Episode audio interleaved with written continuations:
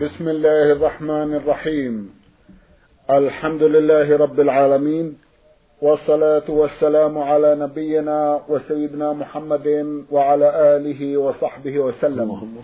مستمعي الكرام السلام عليكم ورحمة الله وبركاته وأسعد الله أوقاتكم بكل خير. هذه حلقة جديدة مع رسائلكم في برنامج نور على الدرب. رسائلكم في هذه الحلقة نعرضها على سماحة الشيخ عبد العزيز ابن عبد الله بن باز الرئيس العام لإدارات البحوث العلمية والإفتاء والدعوة والإرشاد. مع مطلع هذه الحلقة نرحب بسماحة الشيخ ونشكر له تفضله بإجابة السادة المستمعين فأهلا وسهلا بالشيخ عبد العزيز. حياكم الله وبارك فيكم. حياكم الله. نعود مع مطلع هذه الحلقة إلى رسالة المستمع خالد شكر محمود. الأخ خالد عرضنا له سؤال في حلقة مضت وفيه وصف نفسه بأنه عاجز بنسبة مئة في المئة. وأجبتم جزاكم الله خيرا عن سؤاله عن الصلاة. وفي هذه الحلقة يسأل عن الحج يقول هل يجوز أن يحج عني بالنيابة. جزاكم الله خيرا. بسم الله الرحمن الرحيم. الحمد لله وصلى الله وسلم على رسول الله وعلى آله وأصحابه ومن اهتدى بهداه. أما بعد فأنت أعلم بنفسك. إذا كنت تستطيع الحج فعليك الحج. بقول الله جل وعلا ولله على الناس حج البيت من استطاع إليه سبيلا. أما إذا كان الشلل الذي معك يمنعك من القدرة لأنك لا تستطيع المشي أو لا تستطيع الركوب. المقصود إذا كنت لا تستطيع الذهاب إلى مكة لهذا الشلل الذي أصابك فأنت حكمك حكم المريض الذي لا يرجى بره وحكم الشيخ الكبير العاجز عن السفر. تستني من ينوب عنك إذا كنت تقدر على المال. تستني من يحج عنك والحمد لله. أما إن كنت تستطيع أن تذهب بنفسك فعليك أن تحج بنفسك كسائر المسلمين. نعم. جزاكم الله خيرا. أيضا يسأل سماحتكم لو تكرمتم عن حكم الصيام بالنسبة له والحال كما علم كذلك الباب واحد. إذا كنت تستطيع الصيام فعليك أن تصوم كبقية المكلفين. وإن كان مرضك يمنعك من الصوم لا تستطيع معه الإمساك عن الطعام والشراب. طيلة اليوم لهذا المرض اللي معك والشلل الذي معك فإنك تعتبر مريضا. والله يقول سبحانه ومن كان مريضا أو على سفر فعدة من أيام أخرى. فالشلل الذي معك والمصيبة التي معك إذا كانت تؤثر على معدتك وعلى نفسك حتى لا تستطيع الصبر عن الطعام والشراب. كسائر المرضى فأنت معذور. تطعم عن كل يوم مسكينا تجمع الطعام وتعطيه بعض الفقراء. خمسة عشر صاع عن الشهر إذا كان ثلاثين يوما وإذا كان الشهر تسعة وعشرين يوما أربعة ساعة أربعة عشر صاع ونصف. تعطيها بعض الفقراء ولو فقيرا واحدا. في أول الشهر أو في وسطه أو في آخره إذا كنت لا تستطيع أن تصوم لهذا المرض الذي لزمك. كالمرضى الآخرين الذين لا يرجى برؤهم وكالشيخ الهرم العاجز الذي يستطيع لا يستطيع الصوم يطعم عن كل يوم مسكينا والعجز الكبيرة التي لا تستطيع الصوم لكبر سنها فإنها تطعم عن كل يوم مسكينا نص صاع كيلو ونصف عن كل يوم. يجمع الطعام ويعطى بعض الفقراء فقير أو فقيرين أو أكثر نعم. جزاكم الله خيرا. من المستمعة ألف ميم شين من الجمهورية العربية السورية رسالة ضمنتها بعض الأسئلة. تقول في أحدها أحفظ معنى حديث عن رسول الله صلى الله عليه وسلم. لا أحد يتوضأ فيحسن الوضوء ويصلي ركعتين. يقبل بقلبه ووجهه إلا وجبت له الجنة. ثم قال من توضأ نحو وضوء هذا ثم صلى ركعتين لا يحدث فيهما نفسه غفر له ما تقدم من ذنبه. هل هذا المعنى صحيح وارد عن رسول الله صلى الله عليه وسلم؟ نعم كلا الحديثين صحيح كلاهما صحيح. أحدهما من توضأ فأحسن الطهور ثم صلى ركعتين يقبل عليهما بقلبه ووجهه وجبت له جنة. والثاني أنه صلى الله عليه وسلم توضأ ثم صلى ركعتين وقال صلى الله عليه وسلم من توضأ نحو نحو وضوء هذا يعني أحسن الطهور. نعم. ثم صلى ركعتين. لا يحدث فيه من نفسه هو معنى أقبل عليهما بقلبه ووجهه يعني أقبل على الصلاة وأحضر قلبه. غفر له ما تقدم من ذنبه. فالأول رواه عمر رضي الله عنه عقبة بن عامر عن عمر والثاني رواه عثمان بن عفان رضي الله تعالى عنهم عنهم جميعا. فالمقصود أن السنة والمشروع للمؤمن إذا توضأ يحسن الطهور ويعتني به كما توضأ النبي صلى الله عليه وسلم. وإذا صلى أن يقبل على صلاته بقلبه. ويبتعد عن الوساوس حتى يؤديها كاملة كما أداها النبي صلى الله عليه وسلم. هذا العمل العظيم من أسباب المغفرة ودخول الجنة في حق المسلم الذي وفقه الله للإخلاص والاستقامة. نعم. جزاكم الله خيرا. تقول هل المهر من أركان الزواج وما الدليل على ذلك؟ جزاكم الله خيرا. ليس المهر من أركانه ولا من شرائطه. ولكنه لا بد منه. لأن الله يقول لما ذكر النكاح قال أن تبتغوا بأموالكم أن تبتغوا بأموالكم. وأحل لكم ما وراء ذلك وأن تبتغوا بأموالكم. وإذا تزوجها بدون مهر وجب لها مهر المثل والصحيح والنكاح صحيح.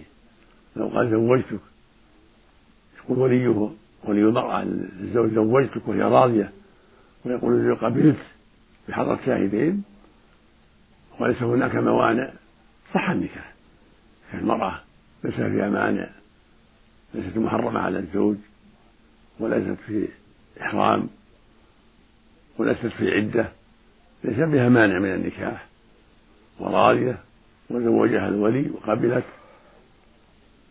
وقبل الزوج بحضرة شاهدين النكاح صحيح. ولو لم يسمى مهر. لكن يجب لها مهر المثل لأن النبي صلى الله عليه وسلم حكم بذلك.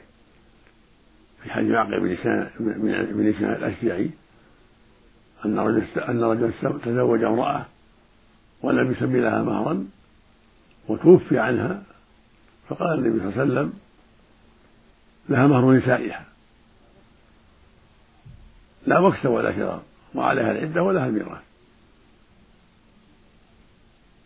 فالمقصود أن هذا هو الحكم في من تزوج ولم يسمي مهرا. على أنها مهر مثل سواء كان حيا أو ميتا. إن مات فتعطى من تركته وإن كان حيا عليه أن يسلم لها المهر إذا دخل بها إذا وطئها. أما إن كان أو خلا بها إذا وطئها أو خلا بها.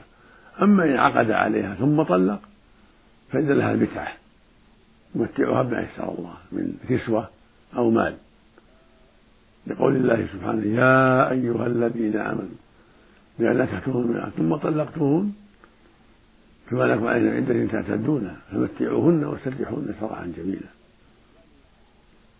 قال سبحانه لا جناح عليكم طلقتم النساء. ما لم تمسوهن أو تفرضوا لهن فريضة ومتعوهن على الموسع قدره وعلى المقتل قدره. متاعا بالمعروف حقا على المحسنين فليس لها مهر المثل في هذه الحال ولكن يمتعها على الموسع قدره وعلى المقتل قدره. المؤسر يمتعها بجارية أو بمهر أمثالها أو بأقل من ذلك حسب ما يتيسر. والمؤسر ولو بالقليل ولو بكسوة يعني ابن عباس رضي الله تعالى عنهما أن أعلى المتعة جارية وأدناها كسوة. والمقصود من هذا أن المؤسر يمتع بأحسن مما يمتع المؤسر المؤسر يمتع بشيء رفيع بجارية يعطيها إياها المملوكة أو مال كثير يعني يقارب مهر أو يقارب نصف المهر. يمتعها بشيء يعتبر فوق ما يمتعها ما يمتعها ما يمتعها به الفقير. والفقير يمتع بقدر استطاعته من كسوة مناسبة حسب طاقته أو دراهم الله جل وعلا أطلق ولم يحدد سبحانه وتعالى. نعم. جزاكم الله خيرا. تسأل وتقول هل تجوز تسمية الولد بخالد؟ جزاكم الله خيرا. لا بأس. الصحابة خالد بن الوليد رضي الله عنه الأسماء هذا الاسم مشهور من قديم الزمان. ولم ينكره النبي عليه الصلاة والسلام. نعم. جزاكم الله خيرا. تقول هل يجوز قص أظافر المرأة أو شيء من شعرها وهي معذورة؟ لا بأس. أن تقص أظافرها أو تنتف إبطها أو تزيل بالأدوية أو العانة. كل ذلك لا بأس وإن كانت في الحيض أو في النفاس. كالرجل له يزيل ذلك وإن كان على جنابة. فالمقصود أن هذه الأشياء لا يشترط لها الطهارة. للمرأة أن تقص أظافرها. وأن تزيل العانة بالحلق أو بغيره. تزيل الإبط ما شعر الإبط بالنتف أو بغيره سواء كانت طاهرة أو في حيض أو في نفاس أو على جنابة. والرجل كذلك. له يزيل هذه الشعور وإن كان على جنابة. كنتف الإبط وحلق العانة قص الشارب وقلم الظهر. نعم. جزاكم الله خيرا. تقول ما الحكم إذا نوى المصلي للصلاة قائلا نويت أن أصلي سنة كذا مع سنة الوضوء سواء وسواء كانت النية قلبية أم جهرية فهل يكتب له الأجر مرتين؟ مرة للوضوء ومرة لسنة الفريضة مثلا. جزاكم الله خيرا. لا يقول نويت هذا غير مشهور لا يتلفظ بها بدعة لا لا أصل لذلك. لم يفعلها النبي صلى الله عليه وسلم ولا الصحابة رضي الله عنهم. والنبي صلى الله عليه وسلم يقول من عمل عملا ليس عليه أمرنا فهو رد. ويقول صلى الله عليه وسلم من أحدث في أمرنا هذا ما ليس منه فهو رد. وهذا هو البدعة. لكن ينوي بقلبه. فإذا توضأ الإنسان صلى ركعتين ينويها سنة الوضوء وإذا دخل المسجد بعد الوضوء صلى ركعتين ينويهما سنة التحية وسنة الوضوء يحصل له الأجر. أجر سنة الوضوء وأجر تحية المسجد. والحمد لله فضل الله واسع. وإذا صلاها بنية خاتمة الظهر توضأ ودخل المسجد ونوى سنة الظهر وسنة الوضوء وتحية المسجد حصل له ذلك والحمد لله. والأمر واسع الحمد لله. نعم. جزاكم الله خيرا. من محافظة مطروح في جمهورية مصر العربية المستمع جيم ميم عين رسالة يقول فيها إنني أتخلف أحيانا عن صلاة الفجر بسبب تكاسل شديد يمنعني من أن أفتح عيني فلا أقوم من النوم إلا بعد طلوع الشمس ثم أصلي. ما هو توجيهكم لي؟ جزاكم الله خيرا. هذا العمل منكر. لا يجوز لك أن تتساهل بصلاة الفجر ولا بغيرها. بل يجب على المسلم والمسلمة الصلاة في الوقت. وليس للمسلم ولا للمسلمة تأخير الصلاة عن وقتها لا الفجر ولا غيرها. بل هذا من خصال أهل النفاق. قال الله عز وجل في أهل النفاق إن المنافقين يخادعون الله وهو خادعهم. وإذا قاموا إلى الصلاة قاموا كسالى فأنت بهذا العمل عملك أردى من عمل المنافقين. هم يقومون وأنت ما قمت أخرتها إلى بعد الشمس. فالواجب عليك أن تصلي في الوقت. وأن تكون نشيطا قويا. وأن تصليها مع الجماعة ولا تشبه بأهل النفاق. قال النبي صلى الله عليه وسلم أثقل الصلاة على المنافقين صلاة العشاء وصلاة الفجر. ولو يعلمون ما فيهما يعني من الأجر لأتوهما ولو أحبها وقال النبي صلى الله عليه وسلم من سمع الندى فلم يأتي فلا صلاة له إلا من عذر. قل لابن عباس رضي الله عنه ما هو العذر؟ قال مرض أو خوف. وجاء إليه صلى الله عليه وسلم رجل أعمى فقال يا رسول الله ليس لي قائد يلائمني المسجد وفي يقودني المسجد. فهل لي من رخصة أن أصلي في بيتي؟ فقال له عليه الصلاة والسلام هل تسمع النداء في الصلاة يعني الأذان؟ قال نعم. قال عجب. أمره النبي أن يجيب وهو أعمى. ليس له قائد يقود في المسجد. فكيف بالصحيح البصير. يقول الأمر عليه أعظم. الواجب عليك أن تتقي الله وأن تصلي مع الجماعة وأن تبادر بالصلاة في وقتها. والذي يتعمد تأخيرها عن وقتها يكفر عند جمع من أهل العلم يعني متعمد تركها. وقد قال عليه الصلاة والسلام بين الرجل وبين الكفر والشرك ترك الصلاة. وقال عليه الصلاة والسلام العاد الذي بينه وبينهم الصلاة فمن تركها فقد كفر. ظاهر هذا الحديث أن من تعمد تركها حتى تطلع الشمس بغير عذر يكون كافرا نسأل الله العافية. فالواجب الحذر. وأن تصلي في الوقت وأن تصلي مع الجماعة في المسجد. وعليك أن تفعل الأسباب التي تعينك على ذلك. عليك أن تعتني بالأسباب المعينة على قيامك إلى الصلاة. وذلك بالنوم المبكر. عليك أن تنام مبكرا. حتى لا تكسل عن الفجر. وعليك أن تحتفظ بالساعة التي تسمع صوتها الساعة الحراشة التي تعينك على ذلك. تركزها على قرب الفجر حتى إذا خرجت قمت سمعت صوت المنبه أو يكون عندك امرأة تعينك على ذلك أو أبوك أو أخوك. المقصود لا بد من القيام للصلاة سواء بإيقاظ بعض أهلك أو بوجود الساعة التي تركب حاسبها على قرب الوقت. نعم. جزاكم الله خيرا.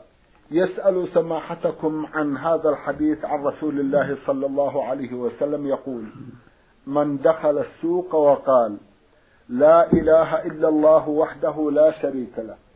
له الملك وله الحمد. يحيي ويميت وهو حي لا يموت. بيده الخير وهو على كل شيء قدير. يسأل عن صحة هذا الحديث جزاكم الله خيرا. الذكر في الأسواق وفي البيت مشروع. يقول النبي صلى الله عليه وسلم تقول عائشة رضي الله عنها كان النبي صلى الله عليه وسلم يذكر الله على كل أحيانه. الله يقول سبحانه يا أيها الذين آمنوا واذكروا الله ذكرا كثيرا وسبحوا بكرة وأصيلا الإنسان في السوق يذكر الله بين الناس يذكر الله حتى يذكرهم حتى يعينهم على ذكر الله. لكن هذا الحديث ضعيف. وتمامه كتب الله له ألف ألف حسنة ومحى عنه ألف ألف سيئة ورفعه ألف ألف درجة. وهو حديث ضعيف لا يصح عن النبي صلى الله عليه وسلم حسب ما اطلعنا من عليه من أسانيده ولكن عدم صحته ليس معنى ذلك أن الإنسان لا يذكر الله يذكر الله. ولو ما حصل له هذا الأجر المعين. يذكر الله كثيرا له له فضل عظيم وأجر عظيم. لكن نفس هذا الحديث الذي سأل عنه السائل ليس بصحيح. نعم. جزاكم الله خيرا. من إحدى الأخوات المستمعات من الرياض رمزت إلى اسمها بالحروف راي عين سين. أختنا سردت عددا من الأحاديث عن رسول الله صلى الله عليه وسلم كلها في فضل رجب وفي فضل صيامه. لا أدري سماحة الشيخ هل أقرأ ما كتبت أم تكتفون جزاكم الله خيرا بالإجابة. ما في ما في حاجة إلى قراءة كلها ضعيفة كلها غير صحيحة عن النبي صلى الله عليه وسلم. ليس في رجب حديث صحيح في فضله. وإنما كان كان وإنما كان أهل الجاهلية يخصون بالصيام. وأما في الإسلام فلا يخص بشيء. لكنه من الأشهر الحرم. هو من الأشهر الأربعة الحرم. لأن الرسول لما عدها قال هي رجب مضر الذي بين جمادى وشعبان وذو القعدة وذو الحجة والمحرم. هذه الأشهر الحرم الأربعة فهو من الأشهر الحرم المفضلة لكن ليس في تفضيل بصيام أو أو صدقة أو صلاة ليس فيها حديث صحيح. وإنما هو من أشهر من الأشهر الحرم ولا يشرع تخصيصه بصوم ولا يشرع ولا ويكره تخصيصه بذلك. لكن إذا ثمر في الإنسان فلا بأس. كان بعض السلف يعتبر في رجب في الصحيحين أن ابن عمر رضي الله عنهما في الصحيحين ابن عمر رضي الله عنهما أن النبي اعتمر في رجب فإذا اعتمر في رجب هذا حسن فعله السلف الصالح. ورواه ابن عمر عن النبي صلى الله عليه وسلم. وإن كان وإن كانت عائشة رضي الله عنها وغيرها أنكروا عليه ذلك. وقالوا إن النبي لم يعتمر في رجب عليه الصلاة والسلام إنما اعتمر في القعدة لكن ابن عمر ثقة وقد روى هذا عن النبي صلى الله عليه وسلم فقد يكون خفي على عائشة وعلى غيرها أو نسي ذلك من أنكره.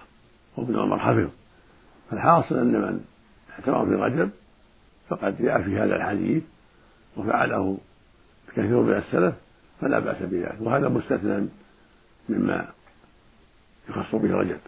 هذا جاءت فيه السنة فإذا اعتمر في رجب فلا بأس بذلك. جزاكم الله خيرا. تسأل سماحتكم وتقول حدثوني عن كيفية صلاة التهجد ومتى يبدأ بالساعة تقريبا لأني لم أعرف وقتها بالضبط وهو الثلث الأخير من الليل وهل يجوز للمرأة أن تفعل ذلك؟ جزاكم الله خيرا. التهجد من الليل يبدأ من صلاة العشاء إذا فرغ من صلاة العشاء إلى طلوع الفجر. هذا هو حال التهجد ما بين صلاة العشاء إلى طلوع الفجر.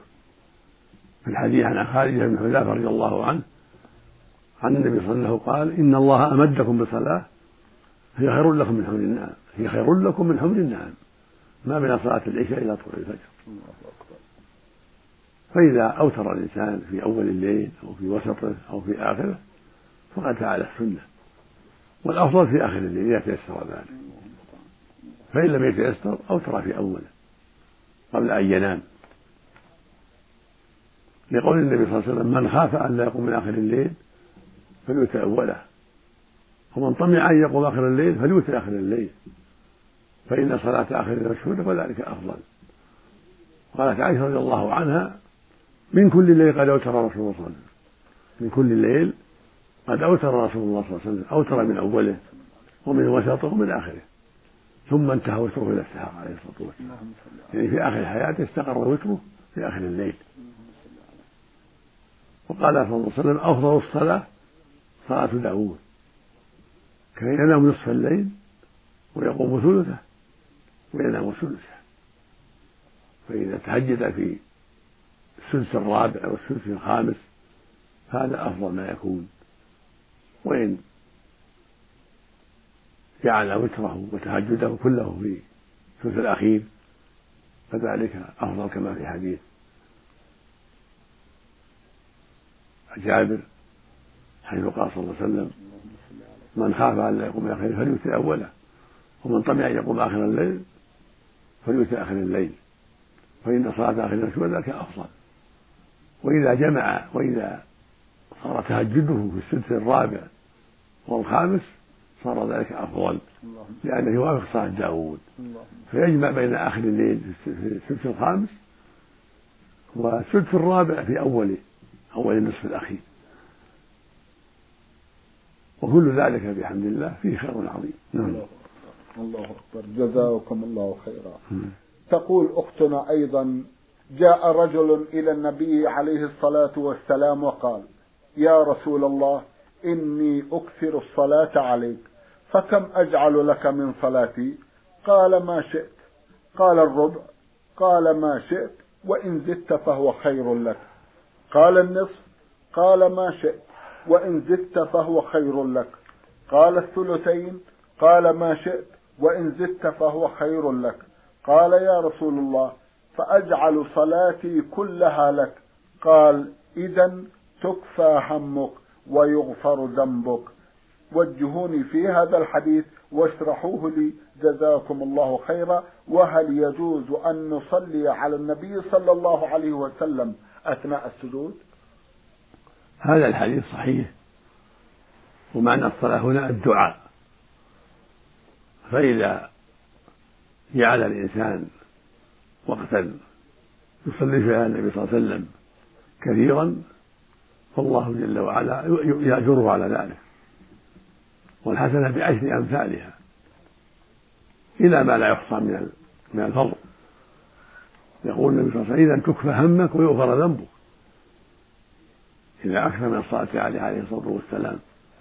قال بعض أهل العلم هذا السائل له وقت خصه للدعاء. فإذا صرف ذلك الوقت كله في الصلاة على النبي صلى الله عليه وسلم حصل هذا الفضل. إذا تكفى همك يعني يكفيك الله همك ويغفر ذنبك. فينبغي الإكثار من الصلاة على النبي صلى الله عليه وسلم. وإذا صلى على النبي في السجود قبل الدعاء أثنى على الله وصلى على النبي صلى الله عليه وسلم فهذا من أسباب الإجابة. كما أن الصلاة عليه في آخر التحيات ثم الدعاء بعد ذلك من أسباب الإجابة.